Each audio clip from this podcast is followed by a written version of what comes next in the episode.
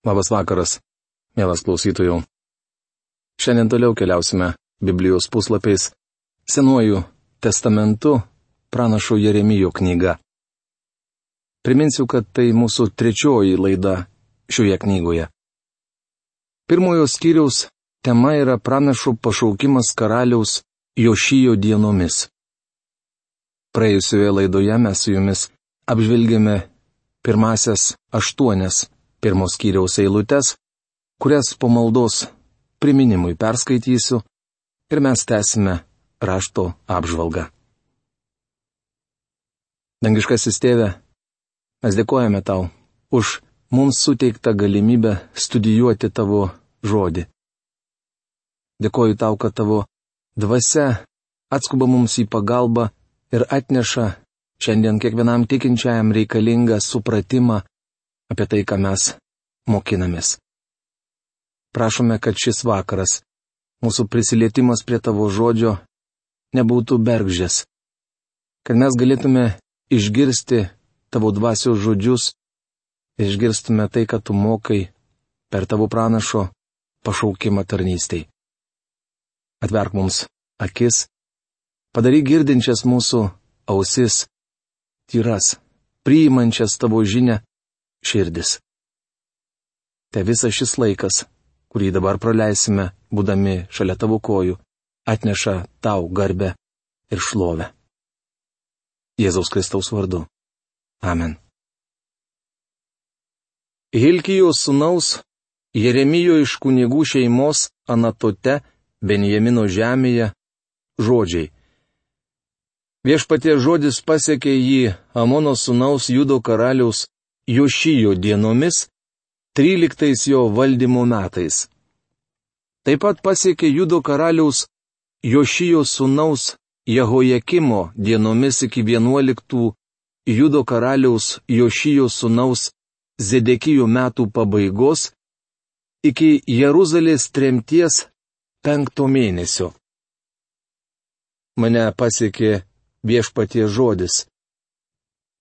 Dar prieš sukurdamas iššiose aš tave pažinau, dar prieš tau gimstant tave pašventinau, pranašų tautoms tave paskyriau.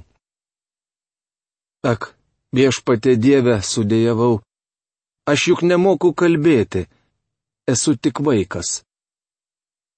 Bet viešpats man atsakė, nesakyk, esu tik vaikas, kur tik tave siūsiu ten eisi, ką tik tau liepsiu, tą kalbėsi. Nebijok nieko, nes aš su tavimi ir tave apsaugosiu. Tai viešpaties žodis. Tai mūsų pirmosios aštuonios jau išnagrinėtos eilutės. Teskime apžvalgą. Tuomet viešpats ištiesė ranką ir palėtėjo mano lūpas tardamas. Štai dedu savo žodžius į tavo lūpas. Jeremijo knygos pirmos kiriaus devinta eilutė. Dedu savo žodžius į tavo lūpas. Tai labai svarbu. Dievas įkvėpė šventojo rašto žodžius, ne vien mintis ir savokas. Pavyzdžiui, Dievas neįkvėpė velnio meluoti, tačiau šventojo rašto pasakojimas apie jo melą yra įkvėptas. Šiandien dauguma žmonių to nesupranta. Todėl man nepriimtini kai kurie vadinamieji Biblijos vertimai. Galbūt tekstas juose išaiškintas gerai, tačiau išverstas prastai. Šventojo rašto žodžiai yra įkvėpti. Pateiksiu iliustraciją, kuri galbūt padės jums geriau suprasti, kodėl svarbu, tiksliai versti. Viena vokalo studentė dalyvavo perklausoje. Po pasirodymo jį nuskubėjo į persirengimo kambarį susitikti su draugėmis. Mergina nekantraudama paklausė, ką sakė mano mokytojas. Viena draugė labai diplomatiškai atsakė, jis sakė, kad tavo balsas dangiškas. Studentė vėl paklausė. Tikrai? Jis taip ir pasakė? Na, ne visai tokiais žodžiais, bet turėjo omenyje būtent tai. Pakartok jo žodžius tiksliai. Ar jis sakė, kad mano balsas dangiškas? Net lyžo mergina. Draugiai nebuvo kur dingti ir jį tarė. Jis turėjo tai omenyje, nors sakė, koks nežemiškas triukšmas. Kaip matote, labai svarbu, kad mes suprastume, jog šventojo rašto žodžiai įkvėpti Dievo. Dievas sakė Jeremijui, štai dedu savo žodžius į tavo lūpas. Įsidėmėk, šią dieną paskirsiu tave tautų ir karališčių prievaizdu, kad išrautum ir nugriautum, sunaikintum ir nuverstum, atstatytum ir atsodintum. Jeremijo knygos pirmos kiriaus dešimta eilutė. Jeremijas pranašavo Jošijo, Jehojakimo, Jehoahazo, Jehojachino ir Zedekijo valdymo dienomis. Visi šie karaliai turėjo įvairių vyriausybinių projektų. Visi ketino pagerinti gyvenimą Jeruzalėje, pasirūpinti ekologiją ir atsikratyti lušnynų. Kiekvienas iš jų buvo parengęs vargšų rėmimo programą. Tačiau ne vienas nekreipė daug dėmesio į Jeremiją. Kitaip tariant, pranašas buvo ignoruojamas. Nuo to laiko praėjo beveik 3000 metų. Ar šiandien galėtumėte paminėti bent vieną iš ano meto vyriausybinių projektų? Ar galite pasakyti, ką naudingo nuveikė Zedekijas? O gal įvardintumėte Jehojachino ar Jehojakimo darbus. Apie jų darbus net neužsimenama. Tačiau anomis dienomis visiems atrodė, kad šie vyrai daro tai, kas reikalinga, kas populiaru, o Jeremijas buvo ignoruojamas. Bet kas parašė šią knygą, kurią dabar skaitome? Jeremijas. Mielas bičiuli, Jeremijo knyga yra Dievo žodis. Jis išliko ir išliks dar ilgai. Mūsų tauta nebegirdi Dievo. Jo neklauso nei vyriausybė, nei studentai, nei karininkai, nei mokslininkai. Tačiau jis kalba ir jo žodis išliks per amžius. Dievas paveda Jeremijui skelbti Dievo žodį judėjams, o šis vargšas žmogelis bando atsistatydinti iš pareigų, dar nepradėjęs darbo.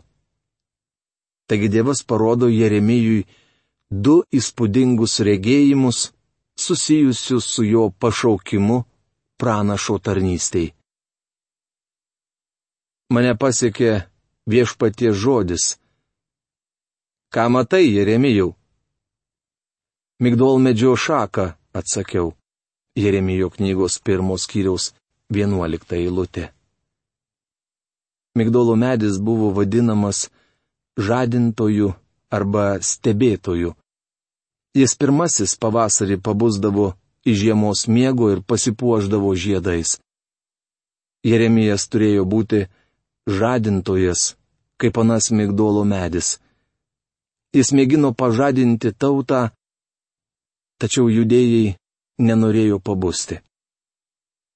Ar jums patinka, kai kas nors pažadina jūs iš miego? Žinoma, kad ne. Žadintuvas yra vienas iš labiausiai nemėgstamų daiktų pasaulyje. Kai mokiausi koledže, visi žadintuvai bendrabutyje buvo aplamdyti. Na aš pats nesikį buvau paleidęs savąjį į sieną. Jeremijas bus judo tautos žadintojas. Tuomet viešpats tarė man. Matai labai gerai, aš būdžiu, kad įvykdyčiau savo žodį.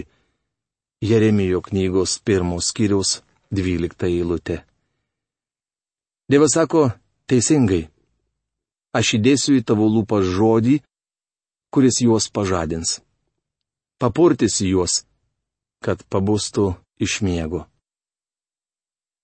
Mane vėl pasiekė viešpatie žodis. Ką matai? Matau verdantį katilą svyrantį iš šiaurės, atsakiau. Jeremijo knygos pirmos kiriaus 13 eilutė. Kas tas verdantis katilas? Jeremijo laikais pietiniai judo karalystiai nebekėlė grėsmės Egiptas ar Asirija.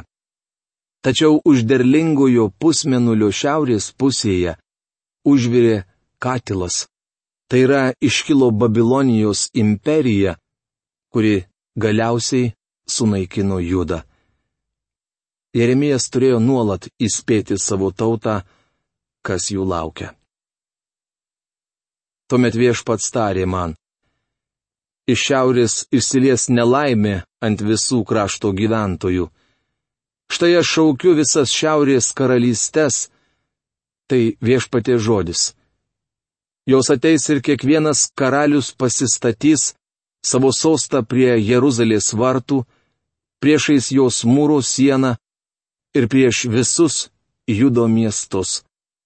Jeremijo knygos pirmos skyriaus 14-15 eilutės.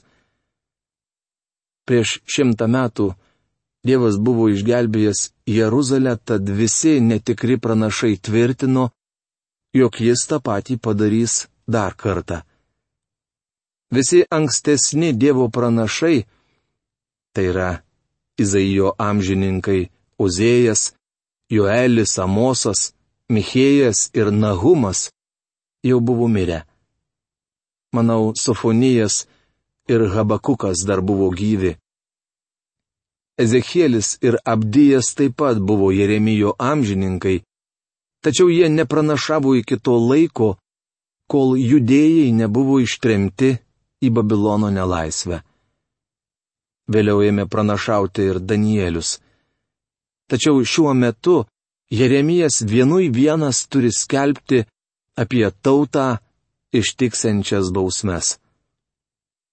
Toliau rašoma, kaip judo karalystės gyventojai sutiks pranašų skelbiamą žinę. Su tavimi jie kovos, bet neįveiks tavęs, nes aš esu su tavimi, kad tave išgelbėčiau. Tai viešpatie žodis. Jeremijo knygos pirmos skyriaus 19 eilutė. Viešpats sako, Jeremijau, nors jie priešinsis tau ir tavęs neklausys, skelbk žinę. Jeremijas jautėsi esas silpnas ir nevertas pranašo tarnystės. Jis bandė pasiteisinti, tačiau Dievas sakė, aš įdėsiu savo žodžius į tavo lūpas tu skelbsi mano žodžius. Nemanau, kad žmogus gali kalbėti iš sakyklos, jei nėra tikras, kad skelbia Dievo žodį. Jei jis kažkuo abejoja ar jaučia, jog turėtų dalintis savo mintimis ir skelbti liberalę, socialinę evangeliją, jam nedėrėtų lipti į sakyklą. Jei žmogus nėra tikras, kad skelbia Dievo žodį, turėtų laikytis atokiau nuo sakyklos. Nesvarbu, kiek metų jis studijavo homiletiką, hermeneutiką ar teologiją. Tai labai svarbu.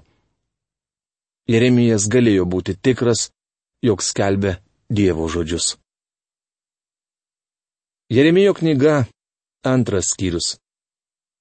Tema - Dvigubas judo pasmerkimas. Nagrinėdami pirmą šios knygos skyrių kalbėjome apie įspūdingą Jeremijo pašaukimą ir įgaliojimą. Dievas pašaukė jį dar jaunuolį, galbūt apie 20 metų amžiaus. Taip pat žinome, kad Jeremijas pradėjo tarnavimą, kai karaliui Jošėjui buvo 21 arba 22 metai. Taigi toliau kalbėsime apie du jaunus izraelitus, karalių ir pranašą. Jeremijas aiškiai sakė, jog yra nevertas tokio pašaukimo.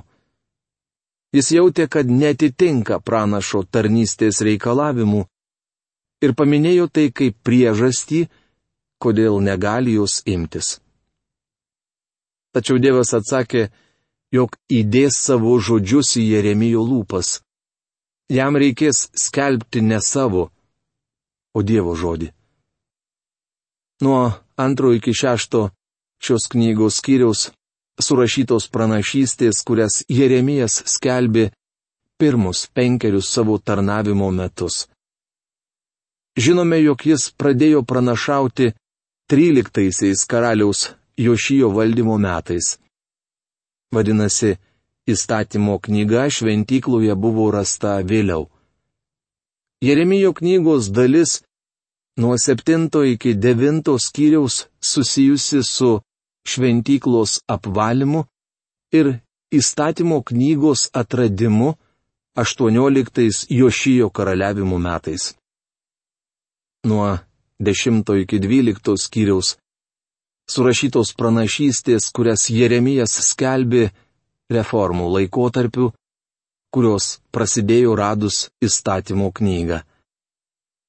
Skaitydami šias pranašystės pamatysime, kad prabudimas buvo gana paviršutiniškas. Mat Dievo žodžiui nebuvo teikiama pakankamai reikšmės. Bičiuliai, mes turime atsiminti, jog tikro prabudimo nebus, kol neimsime vertinti Dievo žodžio.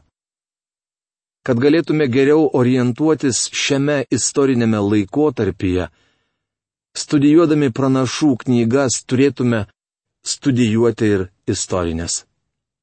Tad atsiverskime metraščių antros knygos 34 skyrių ir pabandykime susijęti Jeremijo žinę su to metu istorija. Jošijas buvo aštuonerių metų, kai tapo karaliumi ir karaliavo Jeruzalėje 31 metus. Jis darė kas dora viešpaties akise, ir ėjo savo protėvio Davido pėdomis, nenukrypdamas nei dešinę, nei į kairę. Metraščių antra knyga, 34 skyrius, pirmą antrą eilutės. Judo karalystę, begaubent sutemoms, į sostą atsisėda neįlinis karalius.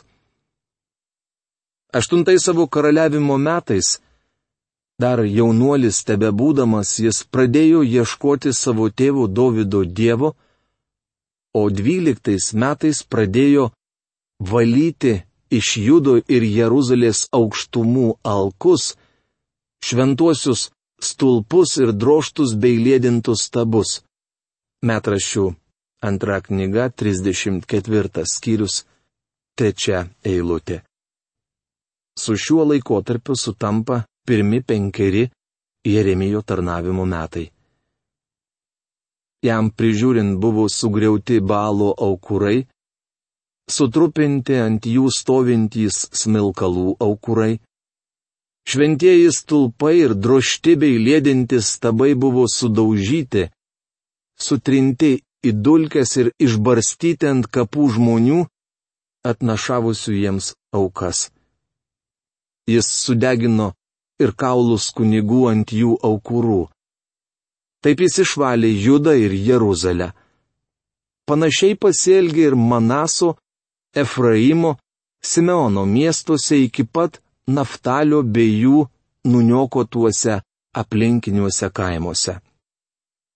Jis nugriovė aukurus, sutrupino šventuosius stulpus ir sutrynė į dulkes.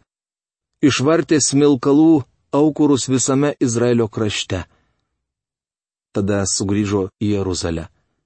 18 savo karaliavimo metais, išvalęs kraštą ir namus, jis pavedė atsalijų sūnui Šafanui, miesto valdytojui Maasėjui ir karaliaus raštinės viršininkui Jehoahazos sūnui Joachui atnaujinti viešpatie savo Dievo namus rašoma antroje metraščių knygoje 34 skyriuje 4-8 eilutėse.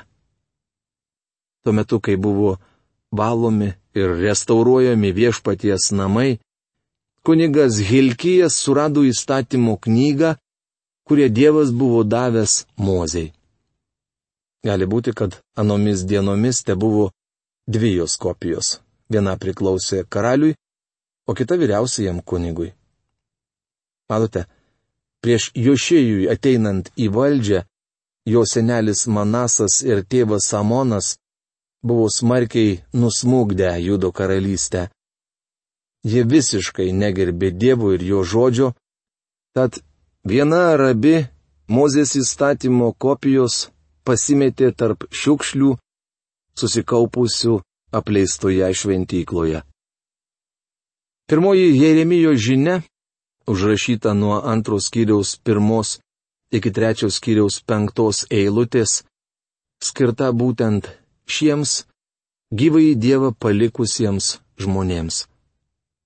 Vargu ar rastume kitą šventojo rašto atkarpą, dvelkiančią tokiu nuoširdžiu patosu ir švelnumu. Tai iškalbingas ir atkaklus, užmiršto ir įžeisto Dievo kreipimasis į savo tautą. Jis rodo malonę ir gailestingumą prasikaltusiai tautai, bet kartu įspėja apie baises negandas, kurios ištiks juos, jei jie neatsigręš į savo Dievą.